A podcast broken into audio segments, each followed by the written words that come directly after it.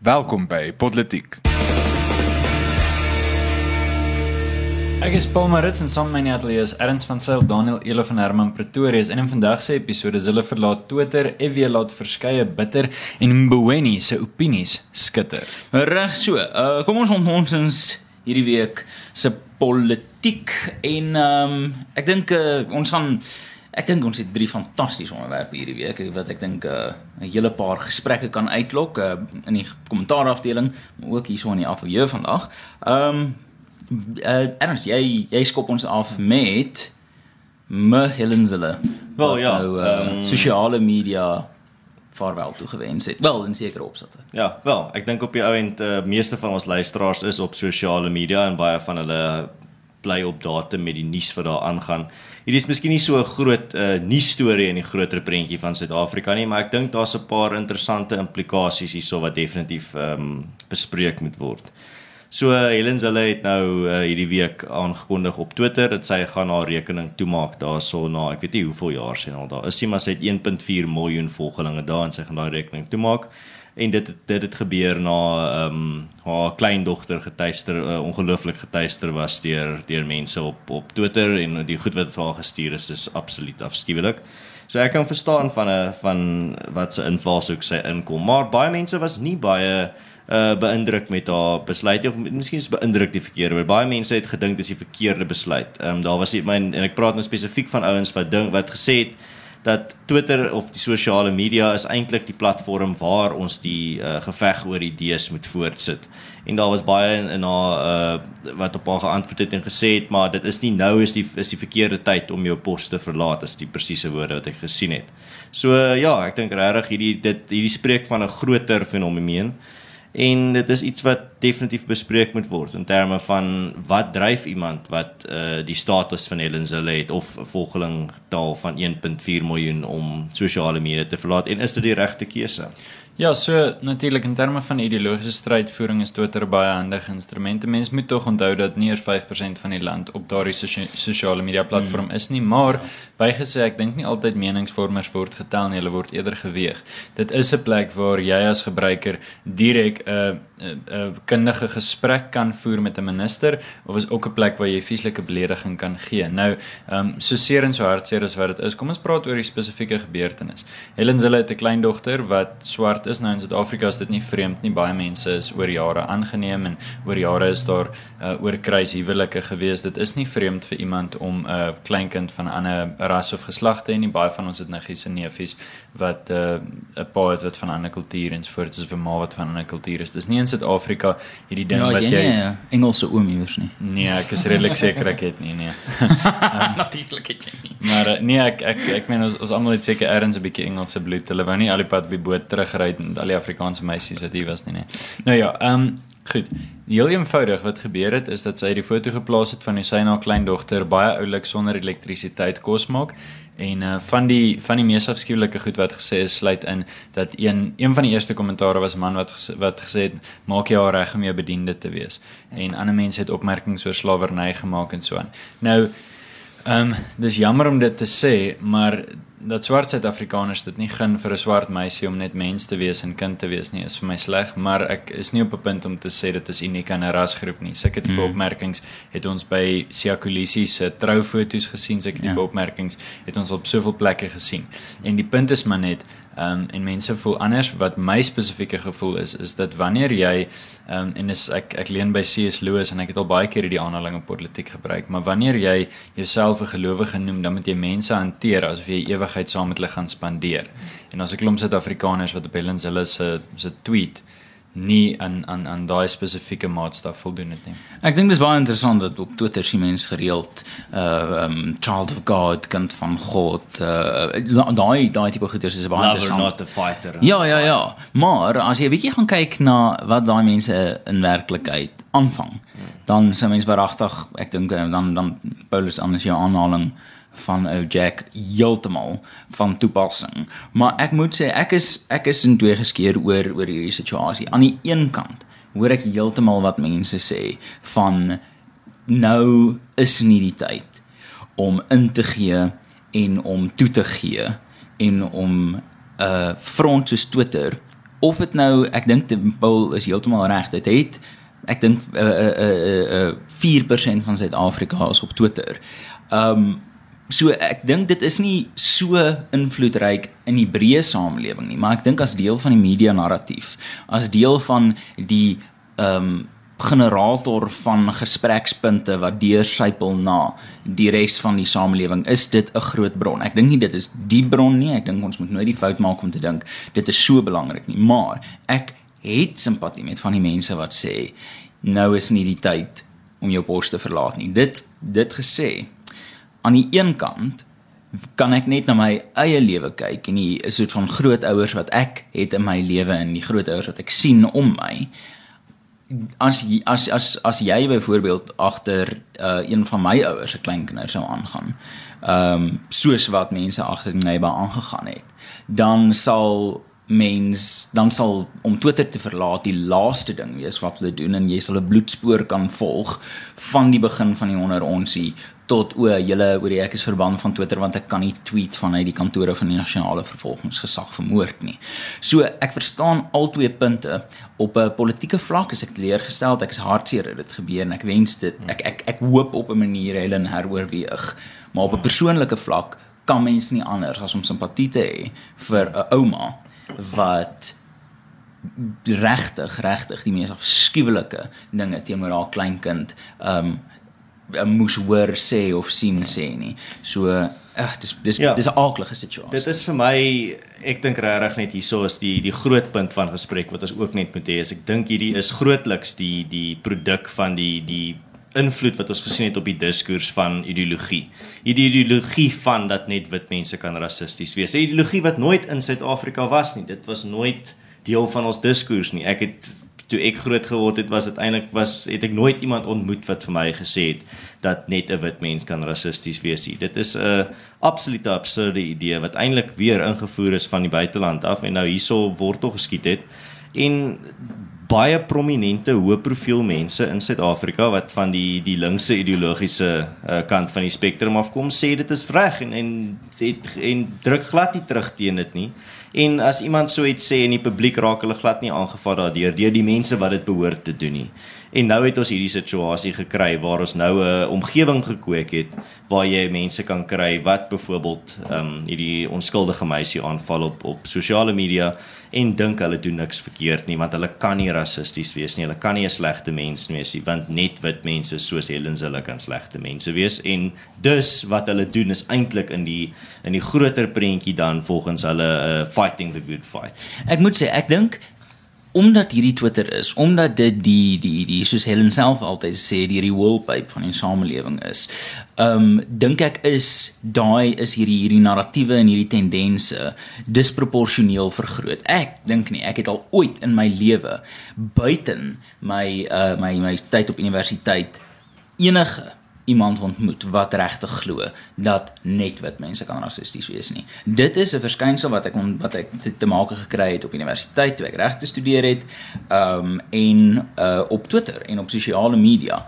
Uh so ek dink dis die dis die een ding wat wat totaal al uh, absurd daarso is, maar ek dink 'n vinnige punt wat ek net hier wil insluip.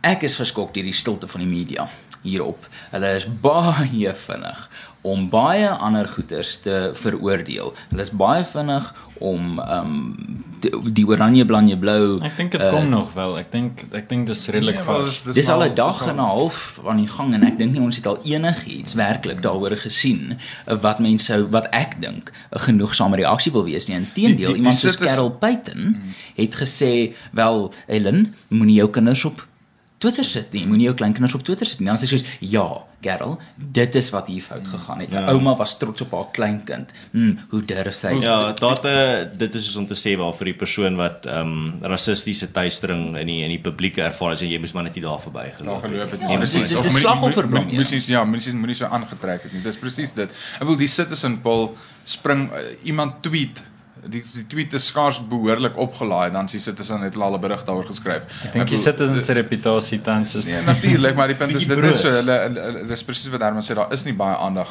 uh, wat aan hierdie gegee word nie.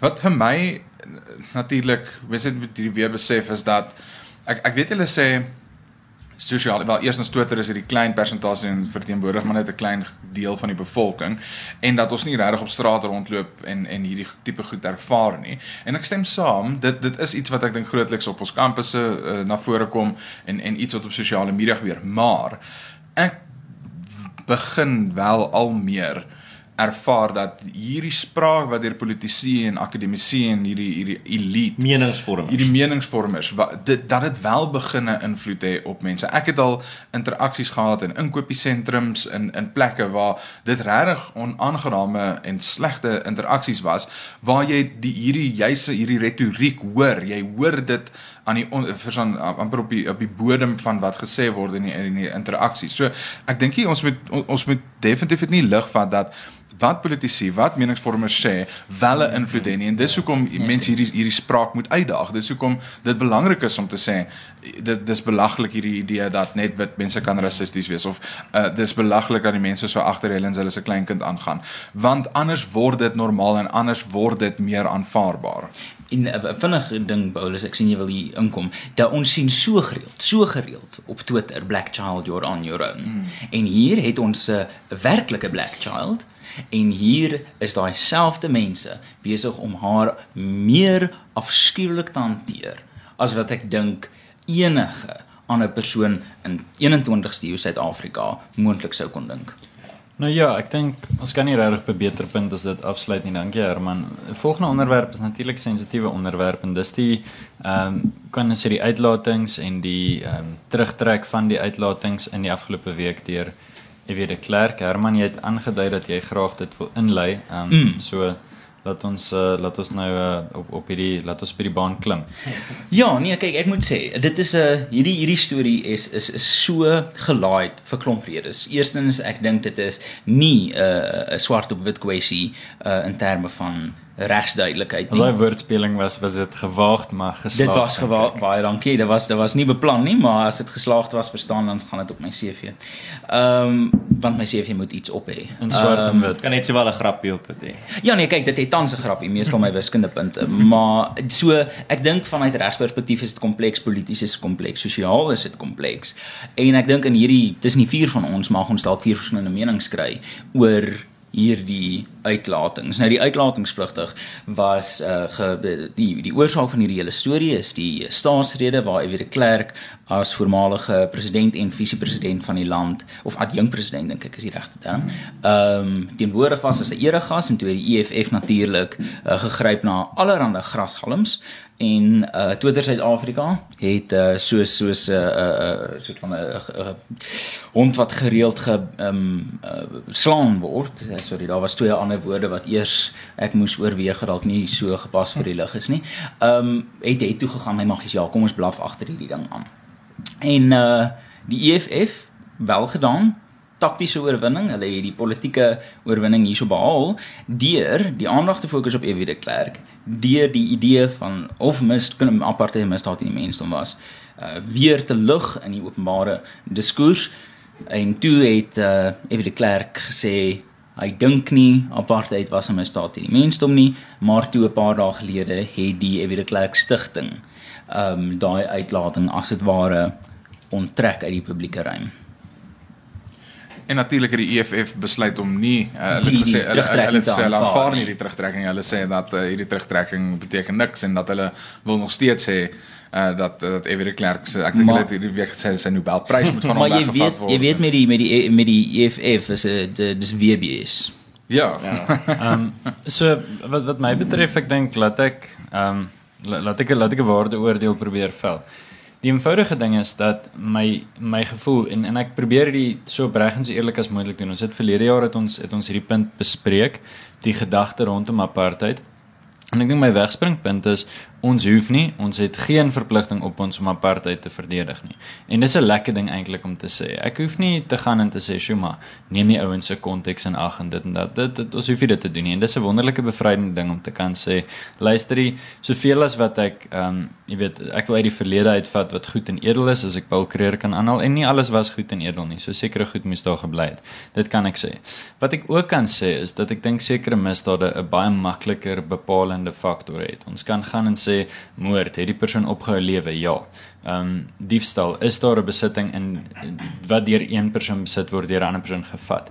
Die probleem met 'n misdaad teen die mensdom is dat lande daarvoor stem.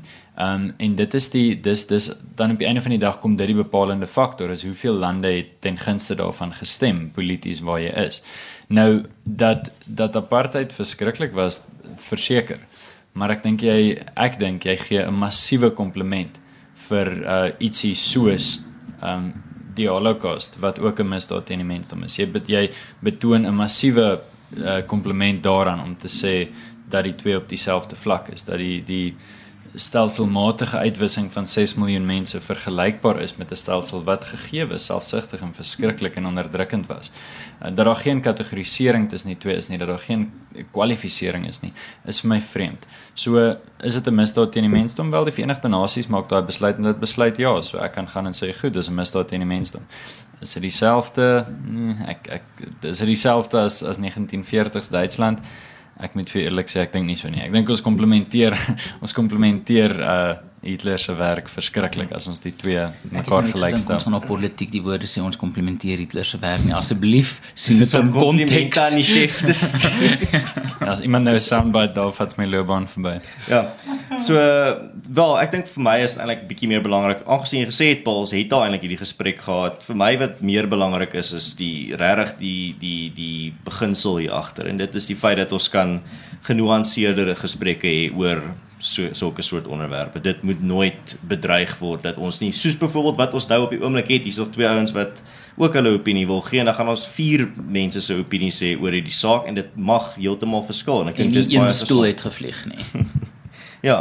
Uh op op Twitter sou dit bietjie anders gewees het. Maar ek dink ook self uh Paul en dat jy praat van van die die fenomeen van van massamoord. Ehm um, ons het nou hierdie week ook gehoor die ANC wil nou die ontkenning van apartheid as 'n as 'n misdaad teen die mensdom wil hulle nou jou kan tronk toe stuur daarvoor en 'n uh, krimineel maak vir dit sê.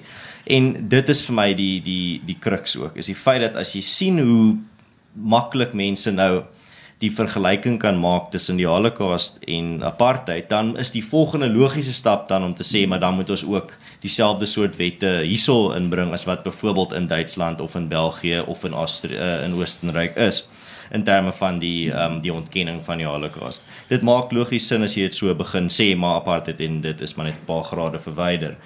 En dit is hoekom vir my die kruks is is dat ons moet begin kyk na die jy moet net vir 'n oomblik die implikasies begin nadink oor wat jou standpunte is.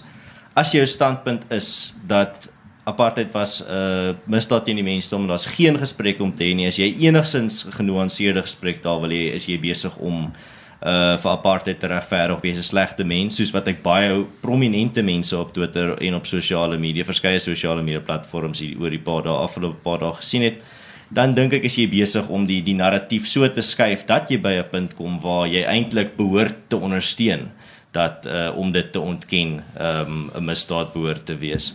Um ek sou nogal graag die die beginsels daar wil sien as vir iemand wat dink dat daar mag glad nie gesprek hieroor jy word jy alles is 100% uh geskryf in steen uh dat um dan dat daar wat is die argument dan dat jy nie uh, dit 'n misdaad moet maak nie. En net miskien 'n laaste ge, gedagte is net wat die groter prentjie wat ek dink baie belangriker is. Dis kom ek sê ek, ek wou nou nie regtig die die hele uh, debat is dit nie of is dit eintlik die die die hoofmaaltyd maak nie. Mense moet verstaan dat dit hierdie is die EFF en die ANC wat besig is om die narratief uh tafel te lê vir vir grondonteeneming hoe groter hulle die die monster in die triespeeltjie kan maak van apartheid, hoe meer kan hulle dan regverdig oor hoeveel rooi ligte hulle mag ry om weg te kom van dit af. En ek dink dit is die groot ding waarop ons moet fokus. Nie regtig om nou te praat oor wat die die die die uh of apartheid 'n uh, uh, misdaad teen die mensdom was, maar eerder om fo te fokus op die groter prentjie van maar waarvandaan kom hierdie retoriek en wat is die doel wat die ANC en die EFF daarmee probeer bereik. Ek dink dit is die groot gevaar waarop ons moet fokus.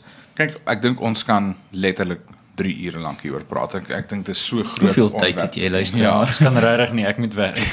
maar werk? Vir my is dit is dit is dit redelik eenvoudig. Ek dink al die goed wat jy gesê het, en ons kan terselfdertyd kan waar wees en terselfdertyd kan mens erken dat dit 'n misdaad teen die mensdom is. Vir my is dit is dit 'n eenvoudige definisie. Mhm. Ehm um, dis soos byvoorbeeld en en Paul jy het gesê kan mens dit vergelyk met die Holocaust en met ander menseregte vergrypings in die geskiedenis? Ja, want dis baie eenvoudig. Dis soos die definisie van moord. Moord beteken die wederregtelike en opsetlike doodmaak van 'n ander persoon. Met ander woorde, ehm um, ek wat net hier ewe skielik jou skiet is dieselfde as 'n ander persoon wat 50 mense doodgemaak het oor 'n 10 dae tydperk en hulle gemartel het en tussen dit gaan oor die die die gruisaamheid daarvan is dalk wat verskil. Maar as ons sê voldoen dit aan die definisie van moord? Ja, beide doen. Mm. En en dis my so eenvoudig soos wat hierdie hele gesprek mm. oor misdaad in die mensdom is. Voldoen apartheid vo, voldoen die Holocaust aan die definisie van uh, misdaad in die mensdom? Ja, voldoen apartheid? Ja, dit dis dis my regtig so eenvoudig soos dit. Dis geldig, en, maar ek dink jy sal ook die eerste wees om te sê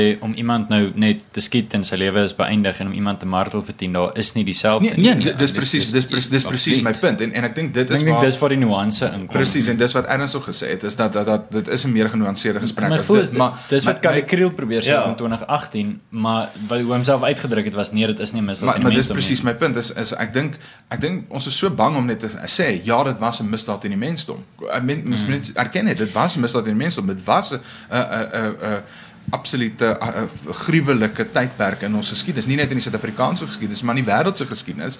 Maar dis nie te sê net oor dat ons erken dit was dat so wat jy gesê het, Paul, alles in daai tyd sleg was. Of dat daar nie ander menseregte vergrypings in die res van die wêreld plaasvind nie. Of dat die, ons op die oomblik in 'n tydperk lewe waar daar verskriklike menseregte vergrypings is deur die ANC regering. Kyk, ek dink ek dink dit is baie interessant dat ek en Daniel, ek en jy die twee mense met regse agtergrond ek dink het 'n meer definisionele definisionele uh, benadering hiertoe en dit is moontlik maar net die die manier ons hoe ons ja. opgelei is om hieroor te dink. Maar ek gaan met Daniel absoluut saamstem. Dit is 'n kwessie van 'n definisie. En ek dink nie 'n uh, wat vanisme help hier nie.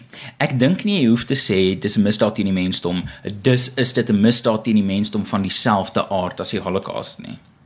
Ehm um, so dis dis die eerste punt, maar ek moet sê ek is baie skepties oor die integriteit van bestaan van internasionale reg in die eerste plek. Ek is 'n ou tradisionalis as dit kom by die verdeling van staatsmagte, die trias politica, so my idee is, die wetgewer maak die wette, die uitvoerende mag pas dit toe. Die hof kyk of dit goed toegepas is en of dit korrek uh, gevorm is. So daar's hierdie effek dat wette wat gemaak word, misdade wat geskep word, um word dan toegepas. Verstaan daar's daar's daar's nagevolge wat deur 'n sentrale autoriteit uh uitgevoer word met die reg om dit te doen. Dis ou mil se monopolie op regmatige geweld. So my probleem met internasionale reg is daar is nie hierdie uitvoerende liggaam nie. Daar is nie 'n wêreldregering nie. So my vertrekpunt Dankie tog, dankie, dankie tog. Ja, my vertrekpunt is ek is baie skepties van internasionale reg, maar ons lewe in 'n tyd waar dit breedweg aanvaar is dat internasionale reg bestaan, het effek, het mag en dat gitter soos misdade teen die mensdom wel bestaan. daarmee moet ek werk as iemand wat soort van in hierdie wêreld lewe. Ek kan teoretiseer oor wat behoort te wees, maar dit verander nie wat is nie. So die eerste ding is, as mens gaan kyk na internasionale reg, is dit nagenoeg onmoontlik om daarvan weg te stap en te dink apartheid was nie 'n misdaad teen die mensdom nie. Ek het met 'n vriendin van my ge, uh, gesels die afgelope paar dae gelede wat by die VN gewerk het juis oor menseregte vergryp en ek het haar gevra uit daarsoos die Joegoslawiese tribunaal se definisie van misdade teen die mensdom. Wat daarsoos die Rome statuut wat is daarsoos uh, VN resolusies wat is die gesaghebende definisie van misdade teen die mensdom? En sy het gesê die Rome statuut nou die Rome statuut maak dit so duidelik as wat internasionale reg kan dat apartheid 'n misdaad teen die mensdom was. Maar volgens daai definisie beteken dit nie alle misdade teen die mensdom met dieselfde dodetal of dieselfde intensiteit nie.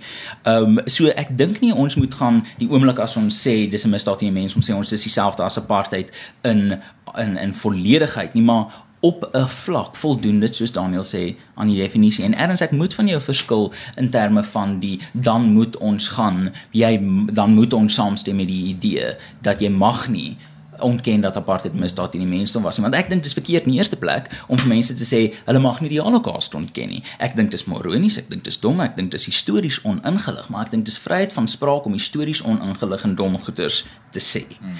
Solank as wat dit binne die uh bestek van vrede en of van van van van nie geweld en van vryheid is, dink ek nie vryheid van spraak behoort gekneel altyd te word nie. So ek dink stem nie saam met die stelling dat as dit 'n misdaad in die mensdom was, moet jy uh ook saamstem dat mense dit nie mag ontken nie. En 'n laaste punt wat ek moet maak, wat ek veral gesien het op Twitter gemaak moet word, is ons moet baie versigtig wees met die aanspreeklikheid en die breë gevolge van 'n misdaad in die mensdom. Dit beteken nie dat as ek sê apartheid was 'n misdaad in die mensdom, verdoem ek elke liewe wit Suid-Afrikaner tot 'n misdadiger geskuldig aan misdaad teen die mensdom nie. Dit is nie hoe aanspreeklikheid werk in misdaad teen die mensdom nie. Die vraag volgens my perspektief is dis 'n definisie kwessie. Voldoen apartheid aan die definisie? Ja, dit doen. Maar hier gee ek 'n bietjie 'n ideologiese steek. Mao se China voldoen ook daaraan. Venezuela se kommunisme voldoen daaraan. Stalin se Rusland voldoen daaraan. So ek is bereid om daai gesprekke ook te hê en om oop oë in hierdie ding in te gaan, maar as hierdie 'n definisionele gesprek is, dan gaan wat vanisme nie werk nie en dit gaan ons nie vorentoe bring nie. Voldoen dit aan die definisie? Ja, dit doen. Beteken dit alle misdade teen die mensdom is presies op selfde uh, uh op dieselfde gronde en moet presies dieselfde geweef word? Nee, dit doen nie. Hmm. Nee, ehm um, miskien het jy miskien net my punt verkeerd verstaan. My punt was ek het meer gepraat oor spesifiek die mense wat ek eintlik uitdruklik op sosiale media gesien het dit vergelyk met die Holocaust en gesê het en dit is nie lae profiel vyf klein mense, dit was hoë profiel meningsvormers, mense in die media self. Politieks. En ek dink hier sit daar's en dit is hoekom spesifiek hoekom ek gepleit het vir dat ons moet nuance na die na die gesprek toe bring. Want op die ou end as ons nie daai nuance eers mag hê nie en ons mag nie hieroor gepraat soos wat ons nou hieroor gesels het nie. En ons sê maar dit is heeltemal klaar besluit, ons weet presies wat dit was en, en as jy nie saamstem ja. nie, is jy 'n bose ja. mens. Dit is nie aanvaarbaar. Maar en dit is die gevaarlike ding. Dit is hoekom en ek dink ons moet begin die die term deugdsyne gebruik want daar was mense op Twitter wat ek gewoonlik as baie slim mense sien, mense wie se opinie ek respekteer, wat uit hulle pad uit gegaan het om te om te impliseer dat mense wat net wat 'n genuanceerde gesprek hieroor wil hê, bose mense is. En ek ek kan verstaan dit kom uit die die dit kom uit die oomblik uit 'n emosionele gesprek, maar regtig ek sou net wil hê mense moet net 'n pouse neem voor hulle sulke opinies op sosiale media sit. Regtig, vat net 'n pouse en dink oor wat jy sê en oor wie jy dit sê. Dat as jy so as jy nou wil om vir die wêreld te wys hoe goed en deeg jy is, nie dan ook goeie mense in die in die put gooi eh, net op die of op die altaar um offer van ek wil vir die wêreld wys hoe goeie mense is en as enigiemand met my nie met hierdie standpunt saamneem nie dan kan hulle maar uh, in die leeukuil gegooi word. Dit is waarteen ek wil teendruk is dat daar moet 'n goeie en gebalanseerde gesprek tussen mense kan wees. Gepraat van die leeukuil, Daniel? Wel, net net net juist op daai noot dink ek is dit dalk goed om te dat sê dat skerp. ons ehm um, as politiek is ons natuurlik vier aanbieders met almal breedweg in die kamp van vryheid, maar natuurlik almal met verskillende opinies en en ons kyk verskillend hierna. En as jy as ons luisteraar graag wil hê ons moet 'n spesiale episode hier doen waar ons rustig met 'n lekker glas wyn of 'n bier in die hand hierdie bespreek, laat weet ons gerus in die kommentaar afdeling want ek dink dit is 'n belangrike gesprek om te hê en ek dink hier is 'n geleentheid waar gestel kan word oor hoe kan diskurs oor ongemaklike onderwerpe regtig op 'n behoorlike, konstruktiewe maar ook op beskaafde wyse plaasvind. So laat weet ons asseblief indien jy wil hê ons uh, so tipe episode moet doen. Maar ons kom nou ook aan die einde van hierdie episode, maar ons het nog wel een onderwerp om vinnig te bespreek met 'n paar blinkkante bo van hierdie afgelope week. So ek gee oor aan jou Paulus. Ja, miskien net uh, vlugtig voordat ek by die Mboweni onderwerp kom. Ek dink ons as jong Af Afrikaners het nie regtig ons ons geskiedenis was van so swak gehalte dat ons nie wel wat ons op skool aangebied is uh, ten minste uh, op uh, waar waar ek waar ek geskiedenis ontvang het. Dit dis jammer om te sê dis baie keer net maar die die cricket of die rugby afrigter wat nou maar met geskiedenis opge opgeskep word dat ek nie dink ons die tyd en die en die en die vermoë gehad het om dit te verwerk as jong mense nie. So ons moet tog dit doen anders gaan hierdie goed later kom in ons byt. Nou ja, gepraat van goed wat later kom in 'n mens byt. Tito Mboweni is gaan hy later kom in jou byt Paulus. Nee, maar sy begrotingsdrome het jy. Ehm um, Nee, ek dink sy tweets gaan hom dalk later kom by by ANC vergaderings. Maar Tito Mboweni het het openlik 'n paar goed die naweek gesê, onder andere dat Stalinisme is verouderd en demokratiese sentralisme werk nie Op sosiale media. Op sosiale media en hy het gesê dat ehm um, die dit is vir hom verbasend dat mense 'n probleem het dat 'n minister onafhanklik dink van die party. Nou binne in 'n 'n sentraal sosialistiese party moet jy dieselfde dink as die party, dis die een ding. Maar ek dink Mboweni is bietjie vrye teels gegee deur uh, president Cyril Ramaphosa. Ek wil nie ek ek dink nie ons hoef te lank hieroor te praat nie. Ons episode is is al reeds redelik lank. Ek maak maar net die opmerking dat Tito Mboweni duidelik ook aan die kamp van vryheid is op sekere punte. Ek dink nie naaste by hy is. Nee, ag ek sê mos Hy ten minste vandag gaan vryheid. Ek sê nie hy is ek sê nie hy's 'n anarcho-kapitalis nie. Wat ek net sê is dat ek dink op sekere punte stem hy nie saam met Ysmagashule nie en dis vir my goed. Ja, hy het nogal 'n hoë siening van Dagga wat vir my Ja, interessant is. 'n hoë sien. Ja, ja. Maar vir my reg ek het nie ek kan nie sê ek stem saam met uh deur te dink iemand se retoriek verteenwoordig um die invloed wat hy op die ekonomie, gaan hê nie. Ons het nou al van dat Mboweni regtig op die die die van dat die die lig op hom geskyn is in terme van is nou sy kans om vir ons te wys wat hy gaan doen.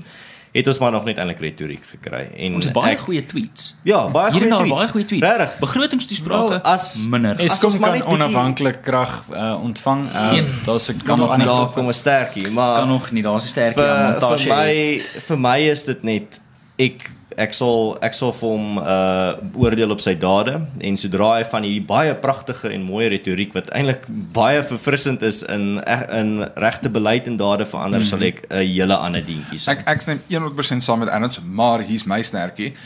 Dit is vars en verfrissend om te sien dat daar wel meningsverskille is mm. binne die ANC wat na die buitekant toe gekommunikeer Ja, word. en- gesond en vir gesien hulle. Dit ja. is gesond vir hulle. Dis nie iets wat ons uh, oor die algemeen sien nie. Die ANC is nogals bekend daarvoor dat hulle met hulle nasionale uitvoerende komitee bespreek, debatteer, neem 'n besluit en dan sit 'n verenigde front na buite toe. So dit dit is verfrissend en vars. Dit dit moet ek definitief sê. Nou ja, ek dink ons kan seker nog verlang daaroor aangaan. Uh ons het twee positiewe stukkies nuus hierdie week.